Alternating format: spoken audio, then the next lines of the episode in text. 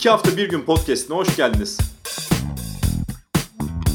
Konuklarımla iki hafta bir günde neler okuduklarını, neler izlediklerini, neler yaşadıklarını konuşacağız. Haydi kitap, dizi, film, olay, anı, deneyim ve daha fazlasını konuşmaya başlayalım.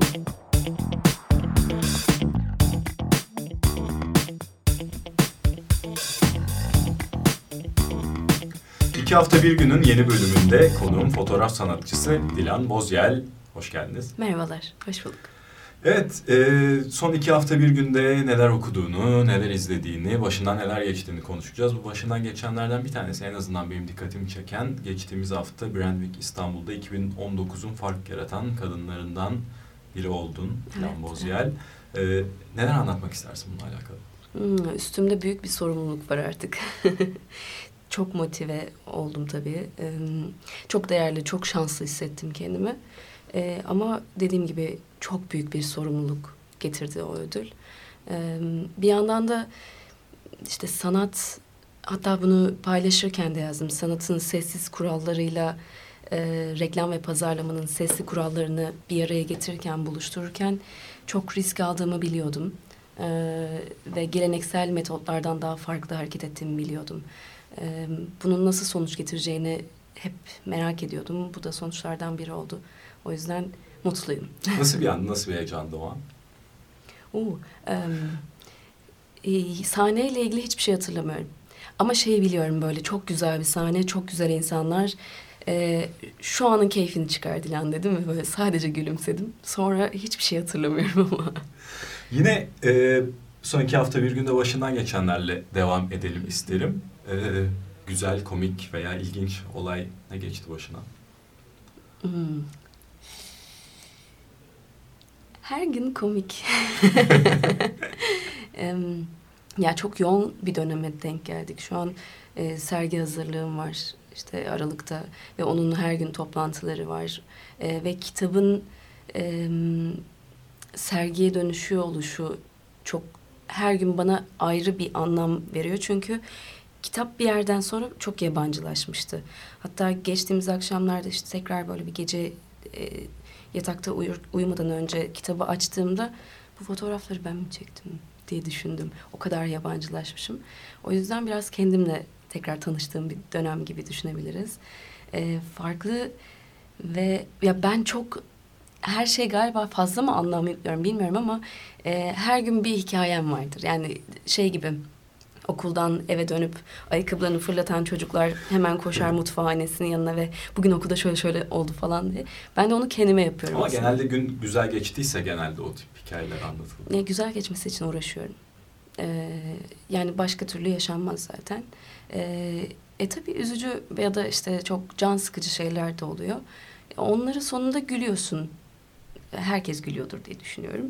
Ee, o yüzden yine dönüp baktığımda gerçekten şey böyle uyumadan önce e, çok böyle poetik bir tanımı olacak ama yastığı hep ben böyle Tanrı'nın dizleri gibi görürüm ve e, başımı yasladığımda teşekkür ederim, şükrederim. E, ne mutlu bana ki son zamanlarda da hep öyle geçiyor. Şimdi e, senin okudukların bir de benim okuduklarım. Benim ben de bu hafta e, Dilan Bozyeli imzalı Paris Beyrut Duk hattını okudum. Hatta kitabı okurken bazı noktaları annem de İzmir'den geldi. Şu an birlikte kalıyoruz. Onda bazı şeyler okudu. Biz çok keyif aldık bundan. Ee, bundan da bahsetmek istedim tabii haliyle. Ee, dönüp insan kendi kitabını okur mu mesela? Ee, yani şu an sergi için mecburen okumak zorundayım. Ee, ilk zamanlar, ilk çıktığı dönemde, aylarda hiç okumadım, okuyamadım. Ee, hatta bana böyle en çok bu sayfayı sevdim deyip diyerek gelen okuyucular oluyordu. Ee, böyle bir yabancı hissediyordum. Ee, ama beni böyle tuhaf, ben biraz ketum büyüdüm. Aileme çok anlatmadım her şeyimi ve e, bu sanırım kitap beni ailemle tanıştıran bir aracı oldu. Yani onlar ilk defa bu kadar fazla duygusal olduğumu ya da dünyaya bu şekilde baktığımı öğrendiler. Ee, o yüzden biraz daha çekindim kitap ilk çıktığını. Bir de ilk imza günü Diyarbakır'da oldu. Ve kitabı gördüğümün ikinci günü babama verdiğim kitabı. O böyle sayfaları açtığında nereye kaçsam diye bakıyordum. Çok utandım.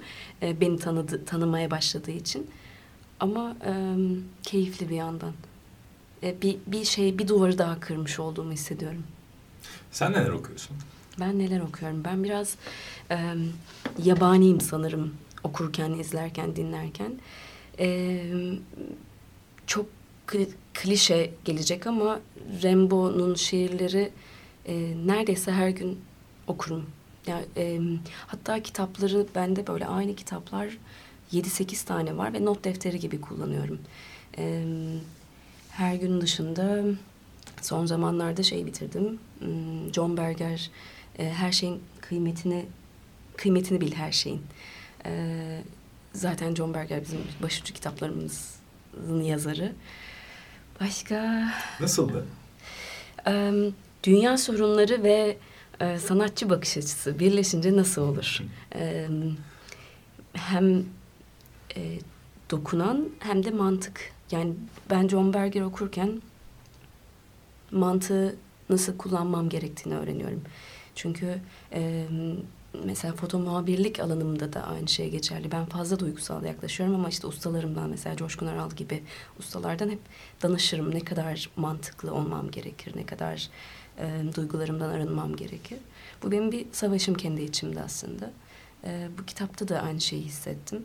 Çünkü e, Irak Savaşı'ndan bahsediyor, Filistin'den bahsediyor. E, aklıma gelenler şu an. Yolda da metroda gelirken de e, Bir Yufka Yürekli Dostoyevski okudum. O da e, çok zaten taşındım bu dönem ve işte Beyoğlu'ndan ilk defa ayrıldım. Daha fazla top taşıma kullanıyorum. İşte metroyu çok kullanıyorum, treni çok kullanıyorum. E, kitap okuma sürem uzamış oldu gün içinde. E, o yüzden böyle bir yolda bite, yani bir günde bitebilecek kitapları tercih ediyorum son dönemlerde özellikle. E, bu kitap da onlardan biri oldu. Peki Beyoğlu'ndan taşınmak nasıl bir duygu? Uzun süreyle Beyoğlu'nda yaşamış bir insan hmm. Ee, ilk defa gün sonunda eve döndüğümde mesaim bitti gibi hissediyorum. Ee, bu benim için işte eskiden gözlerim miyopken işte operasyon öncesi e, gözlüğümü çıkardığımda ya da lensimi çıkardığımda mesaim bitti derdim. Şimdi eve döndüğümde öyle hissediyorum. Çünkü o Beyoğlu'nun içinde her zaman bir yaşama hali var.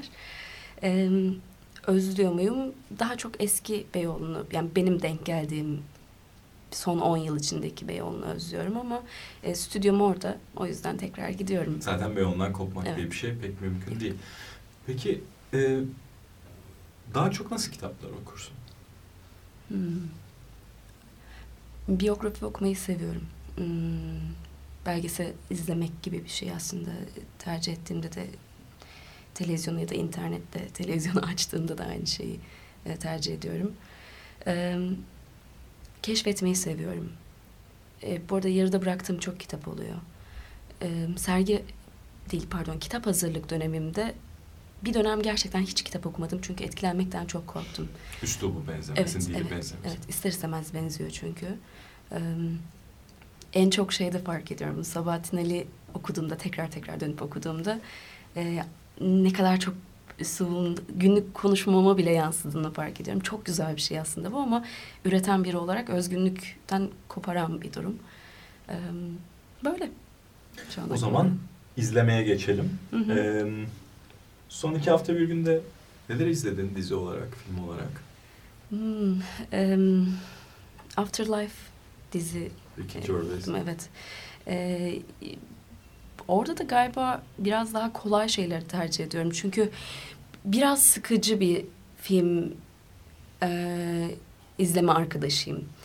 Film ya da dizi. Çünkü tamamen işte ışığa, görüntü yönetmenine ya da yönetmenin yönlendirmelerine e, dikkat ediyorum. Hatta sürekli aa bir dakika bu sahneye geri dönelim. 15 saniye daha erken alalım falan deyip böyle insanlar artık sıkılıyor. Dolayısıyla tek başıma izlemeyi ve hatta ee, bir kere de oturup izlemeyi sevmiyorum. Uzun uzun izleyeyim. Sevdiğim bir sahne varsa tekrar tekrar uyuduktan sonra uyanayım kaldığım yerden devam edeyim. Biraz sıkıcıyım bu konuda sanırım. Afterlife ile ilgili ne düşünüyorsun? Ben çok etkilenmiştim çünkü çok, izlediğimde. Çok. Ee, yani zaten... Bir komedyen işte, nasıl bu kadar hüzünlü bir evet, hikaye anlatır? Evet ve böyle ironik bir e, ruh hali var, histerik bir durum. E, keyifli yani şu şuna dikkat ettim. Çok kolay izlenen bir dizi ama e, çok zor e, sindirilen bir dizi. Bu bence başarı. E, bunun dışında işte baba oğul ilişkisi e, en zaten insanın içine oturan hepimizin oğul olduğunu düşünürsek özellikle.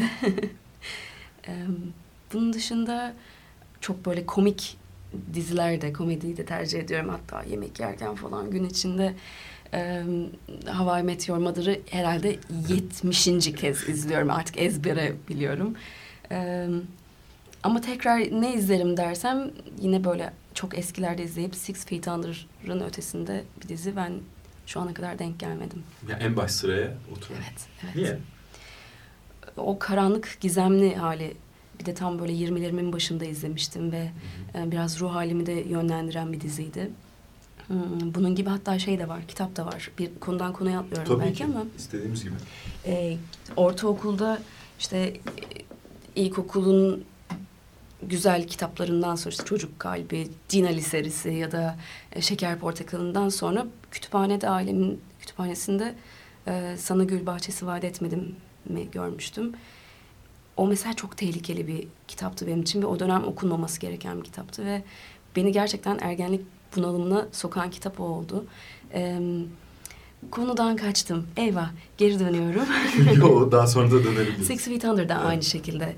20'lerimin başındaki o buhran dönemime denk geldiği için e, sonrasında izledikçe daha büyüdükçe, daha yaşandıkça izledikçe e, tabii biraz da kamera arkasından da değerlendirdikçe e, daha keyifli oluyor.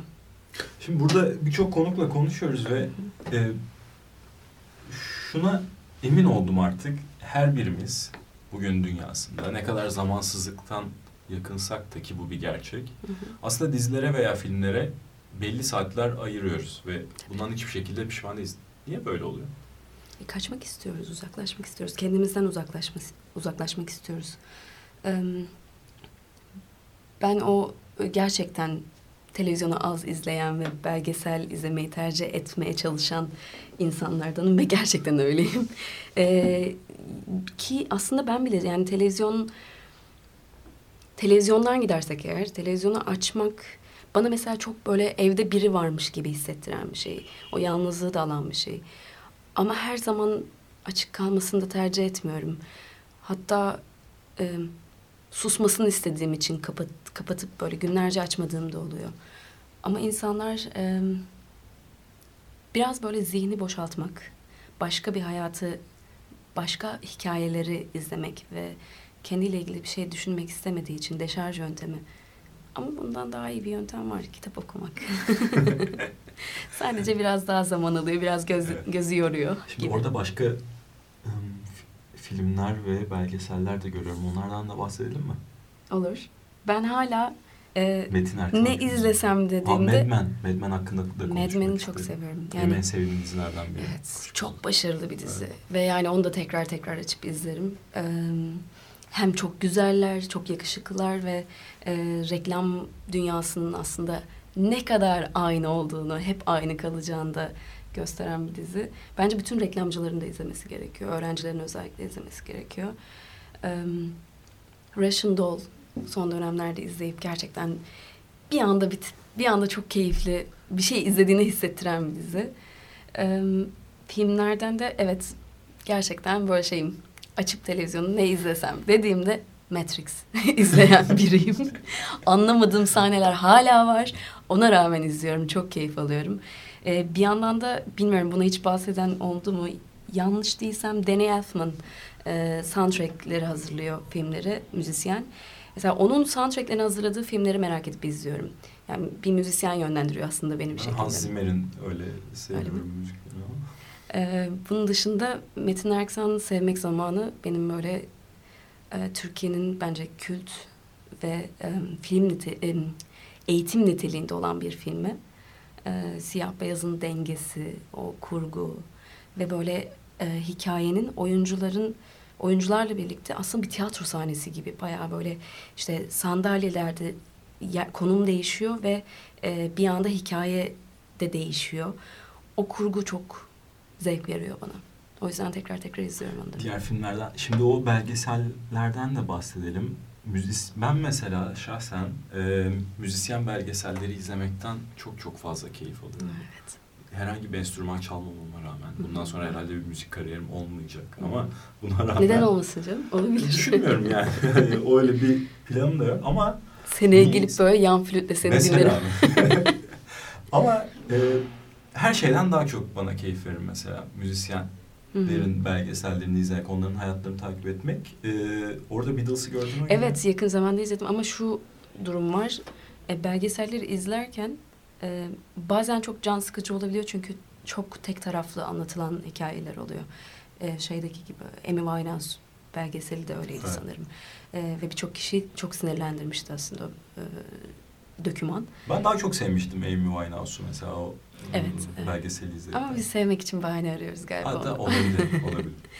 Ee, bunun dışında az önce işte televizyon izlemiyorum falan deyip aslında bir yandan da şeydi bu diğer Türk yabancı kanallarda işte Ateşten Doğanlar, e, Amerikan koleksiyoncuları gibi e, dokümanları da çok seviyorum. Böyle- Böyle şey hatta erkek çocuk gibi bol tişörtümü giyip evde böyle oturup izliyorum onları. E, ne anlıyorsun desen bil- bilemiyorum ama galiba bir data yüklüyorum zihnime, bilinçaltıma bir şekilde. Bir gün böyle beni bıçak yaparken falan umarım görmezsin ama işime yarayacak bir gün. Yani yemek programları da öyle mesela. Ben de e, o gün hemen yemek yapacak olmasam bile bir yemek programını açıp izlemek, kafamı o şekilde dağıtmak bana çok iyi geliyor. Bu dediğim gibi yani herhalde bu bizim şehirde yaşadığımız ortamla mı alakalı nedir? Gerçekten bir şeylerden uzaklaşmaya ihtiyaç duyuyoruz. Ama tekrar başa döneceğim. Şimdi benim anladığım kadarıyla buradaki izleme kısmından çok, senin daha çok vakit ayırdığın kısım okuma kısmı. Ve burada da aslında e, Türkiye'den çıkan e, romancılarla alakalı ne düşünüyorsun? E, hatta not aldım. Yakın zamanda işte elimdeki kitaptan sonra başlarım diye düşünüyordum. E, Hakan Bıçakçı'yı çok seviyorum kalemini. Bir, tabii reklamcı olmasının da etkisi var. Ne kadar başarılı e, kelimelerle oynayışını izlemekten zevk alıyorum. Normal nefes almaya devam edin son kitabı. Mesela onu aldım bekliyor şimdi çalışma masamda. E, bunun dışında çok kişi var. Yani şu an birini bir de yani yeni dönemden dersek çoğu arkadaşım da o yüzden birini ayırt etmekten çok çok çok Kimsenin çekiniyorum. kalbini Evet evet şimdi. evet ama herkesi çok seviyorum. Ee, şöyle bir şey ister miydin bir fotoğrafçı olarak e, okuduğun, çok beğendiğin, çok etkilendiğin bir romanın daha yani bir roman ve birçok fotoğraf da içine girmiş bunun mesela öyle Hı hı. onun fotoğraflarını çok çekmek isterdim dediğin mesela ben Milan Kundera'nın Va- Hı. Var Olman Dayanılmaz filmini çok severim. Ben eğer fotoğrafçı olsaydım Hı hı. onunla alakalı fotoğraflar çekmek isterdim mesela gibi. Bunu ben atölyelerimde yapıyorum. Ee, daha e, fotoğraf okuma ve fotoğraf yazma atölyelerimde bir şiir ya da bir kitap üzerinden e, görsel hazırlama oyunu oynuyorum e, katılımcılarla. E, inanılmaz ufuk açan bir e, algı açan bir çalışma bu.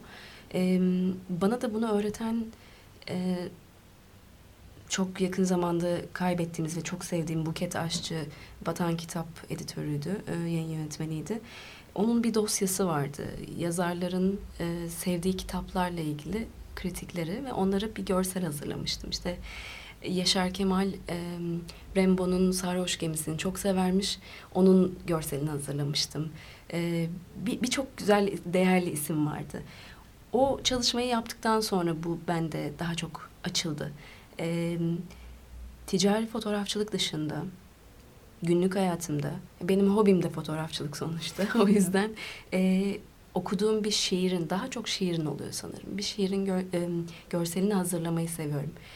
Çok paylaşmıyorum bazen unutuyorum da çektikten sonra ama e, beni sanırım mm, motive ediyor bir yandan daha çok düşünmemi sağlıyor İlham veriyor. Evet, müzik de öyle. Yani sokak fotoğrafçılığında kulağımda her zaman müzik var. Yani en azından tek kulağımda kulaklık var. Ee,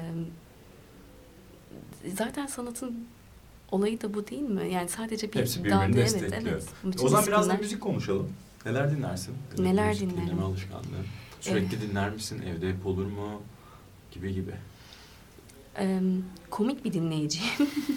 Çünkü dönem dönem müziksiz hiç yapamıyorum. Ee, hatta yani müzik olmadığı, olmadığı anlarda da içimde mırıldanıyorum sürekli. Ee, insanlar fark etmiyor bunu. Ama e, bir, bazı dönemlerde gerçekten sessizliği çok seviyorum. Çünkü beynim çok çok çok çok konuşuyor. Onu durdurmak için hiçbir şey dinlemeden ya da sadece kendi sesimi duymak için sessiz kalıyorum. Ama yine çok komik. Çok klasik müzikten anlamam. Öyle bir kültürüm yok.